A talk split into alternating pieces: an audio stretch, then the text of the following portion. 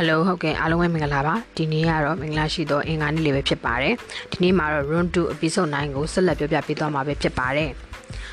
ခမားကိုကျွန်တော်ကူညီနိုင်တယ်ဒါပေမဲ့ကံကောင်းခြင်းအပင်ဆက်ပြိုးဖို့ရေဘလောက်လိုတယ်လဲဆိုတာကိုခမားအရင်ပြောပြနိုင်မလားလို့စစ်ကမေးလိုက်ပါတယ်ကံကောင်းခြင်းအပင်ကရေများကြီးလိုအပ်ပါတယ်ပြီးတော့သူတို့လိုအပ်တာကကြည်လင်တဲ့ရေတသွင်းသွင်းစင်းနေတဲ့ချောင်းမှာ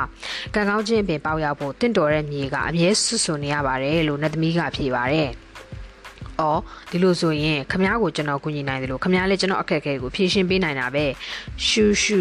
တိတ်မအော်နဲ့ငါကြမ်းနဲ့နိုးသားလိုက်မယ်။မင်းမှာဘာနီးကောင်းရှိလဲ။ငါ့ကိုပြောပြခမားသာသဘောတူမယ်ဆိုရင်ရေကန်ဘေးမှာကျွန်တော်မြောင်းတစ်ခုဖောက်ချင်ပါတယ်။ ခမားစီကနေခွဲဖြာစီစဉ်သွားတဲ့မြောင်းတစ်ခုပေါ်လာမှာပါ။ဒီလိုဆိုရင်ခမားရဲ့ကန်ပြည့်ရှံရည်ကြီးတာမျိုးမဖြစ်တော့ပါဘူး။ကျွန်တော်စိတ်စိတ်ငြိမ်ငြိမ်နဲ့အလုပ်လုပ်ပါမယ်။အားလုံးကိုမဆူညံစေရပါဘူး။စီမံကိန်းကရိုးရိုးလေးပါကံရည်ရီစီစဉ်သွားမယ်မြောင်းတစ်ခုဖောက်ဖို့ပါပဲနောက်ဆိုရင်ကြာပန်းတွေအတွက်ခမားပူစရာမလိုတော့ပါဘူး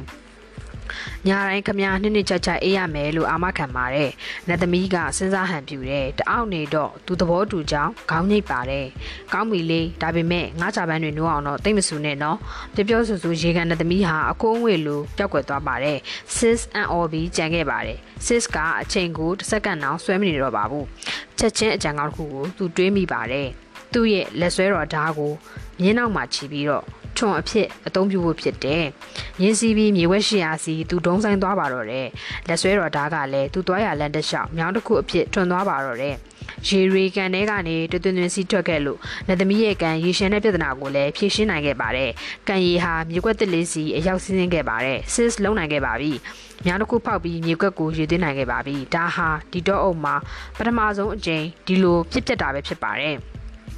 sis ဟာကိုရိုင်းလက်နဲ့တူဆွတ်ထားတဲ့မြေကွက်ဘေးမှာပဲလှဲချအိတ်ဆက်လိုက်ပါတယ်။ရှေ့ရက်တွေမှာဖြစ်ပျက်ခဲ့တဲ့အဖြစ်ပျက်တွေကိုသူပြန်ပြောင်းတွေးနေပါတယ်။လူကြီးသူမတွေအမြဲပြောလေးရှိခဲ့တဲ့ဇကားကိုသူတတိယလာပါတယ်။တင်သာပေးဆက်ရင်ဘုရားသခင်ကတင့်ကိုပြန်တုံ့ပြန်တယ်။ချားလူရဲ့အခက်ခဲကတင့်ရဲ့ကယ်ဆေးပဲဖြစ်တယ်။ချားလူကိုတင်အားစိတ်ထုတ်ကူညီခဲ့ရင်တင်မဲ့အကျိုးမြတ်အများဆုံးရပါတယ်။ဒီကနေ့ရဲ့အခြေအနေကလည်းအဲ့လိုပဲဖြစ်ခဲ့တာမဟုတ်လား။ရေသွင်းမဲ့ကိစ္စကိုသူလက်လွတ်ချင်စိတ်ဖြစ်တဲ့အချိန်မှာပဲရေကန်တဲ့သမီးရဲ့အခက်ခဲကိုသူအတွင်းချက်ချက်သိလိုက်ရတယ်။နှုတ်နှစ်ဖက်ရဲ့လိုအပ်မှုကိုဖြည့်ရှင်းနိုင်မယ့်နည်းကိုလည်းသူသိခဲ့ရတယ်။ဒါဟာတစ်ချက်ခုတ်နှစ်ချက်ပြတ်တဲ့နည်းပါပဲ။ထင်အောင်မထင်ထားခဲ့ပါဘူး။ထူးဆန်းတာကစစ်ဟာအဲ့ဒီမြေခွက်လေးပေါ်မှာကံကောင်းခြင်းပင်ပေါက်နိုင်မပေါက်နိုင်ဆိုတဲ့ကိစ္စကိုတိတ်အလေးမထားတော့တာကိုကိုရိုင်းသတိပြုမိလိုက်တယ်။ကံကောင်းခြင်းပင်မပေါက်နိုင်တဲ့မြေခွက်အတွက်သူစင်းရဲဒုက္ခရောက်ခဲ့လို့လားဒါမှမဟုတ်ကိုကိုကိုလူတုံးလူအားတယောက်လို့ခံစားရလို့လားမဟုတ်ပါဘူး။လှုပ်တဲ့နာကိုပဲသူဆက်လုပ်မယ်လို့သူခိုင်ခိုင်မာမာယုံကြည်နေပါတယ်။ဒီလိုယုံကြည်ချက်ကြောင့်ကံကောင်းတဲ့မြေခွက်တင့်တော်တဲ့မြေခွက်ကိုရွေးထားမိသလားဆိုတာကိုသူပြုမဆိုင်ခဲ့တော့ပါဘူး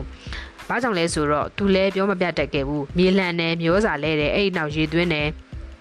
ဒါဟာမပြောလေးလုပ်ရမယ့်အလုပ်သူလုပ်တဲ့အလုပ်ပဲဖြစ်ပါတယ်ဒီမြေကွက်ပေါ်မှာသူစ조사ပြီးမြေလှန်တယ်ရွေသွင်းတယ်ဆိုပေမဲ့ဒီမြေကွက်ဟာကံကောင်းခြင်းပဲလုံးဝမပေါက်နိုင်တဲ့နေရာလဲဖြစ်ကောင်းဖြစ်နိုင်တယ်ဆိုတာကိုသူသိထားပါတယ် ဒါပေမဲ့ဒီလိုဖြတ်တန်းနေချိန်မှာပဲဒီတော့ထဲမှာကံကောင်းခြင်းပင်မပေါက်ရနိုင်တဲ့အကျိုးအကြောင်းတစ်ခုကိုအ ਨੇ ဆုံးတော့သူသိထားပြီးဖြစ်ပါတယ်။လက်ပြန်ကြရင် ဒီထက်ပိုများတဲ့အရာကိုသူသိရအောင်မယ်။ဒီအတွက်သူ့ရင်ထဲမှာမျောနှိချက်လေးတော့ရှိနေခဲ့ပါတယ်။ sis ဟာမြေကြီးပေါ်ကောင်းချပြီးအိတ်ဖို့ပြင်ဆင်လိုက်ပါတယ်။ရေရီစည်းဝင်နေတဲ့မြေဩဇာကျွဲဝနေတဲ့မြေကြီးကိုမျောနှိချက်အပြည့်နဲ့သူကြည့်လိုက်ပါတယ်။အဲ့ဒီနောက်ကံကောင်းခြင်းအပင်ညှောက်ပေါက်ပုံကြီးထွားပုံတွေကိုသူမြင်အောင်လိုက်ပါတယ်။ဒီကနေ့ညမှာတော့သူ့အုံနောက်ထဲကကံကောင်းခြင်းပင်ရဲ့ပုံသဏ္ဍာန်ဟာအရင်ညကတက်ပိုကြည်လင်ပိုလက်တွေ့ဆန်လာခဲ့ပါတယ်။တွေးလေးစိတ်ကြည်နူးလေးသူခံစားနေရပါတယ်။ပဝင်းကျင်တစ်ခုလုံးညအမောင်ကအဖော်ပြုထားပါတယ်။တမက်ရရောက်ဖို့ည3ညပဲလိုပါတော့တယ်။